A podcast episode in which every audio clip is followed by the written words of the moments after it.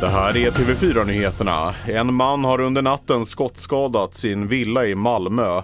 Enligt Sydsvenskan som talat med polisen kom skotten utifrån och det var mannen själv som larmade. Hans skador bedöms som allvarliga och händelsen utreds som försök till mord.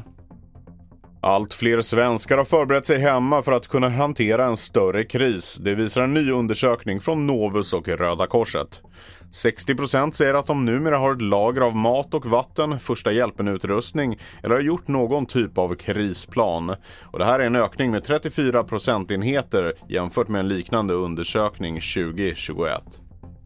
Nu kommer nya uppgifter om glasstölden i Ljusdal. Det är glassgubben själv som skriver i ett Facebook-inlägg att glass för 250 000 kronor förstördes efter att två glasstjuvar brutit sig in i hans glassbil och snott 10-20 lådor.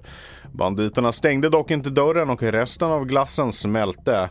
Enligt glassgubben har en epatraktor setts lämna platsen och han utlovar en belöning på 10 000 kronor för tips som leder till fällande dom. Den förstörda glassen slängdes däremot inte utan gavs till ett gäng grisar. Mitt namn är Felix Bovendal och mer nyheter hittar du på tv4.se.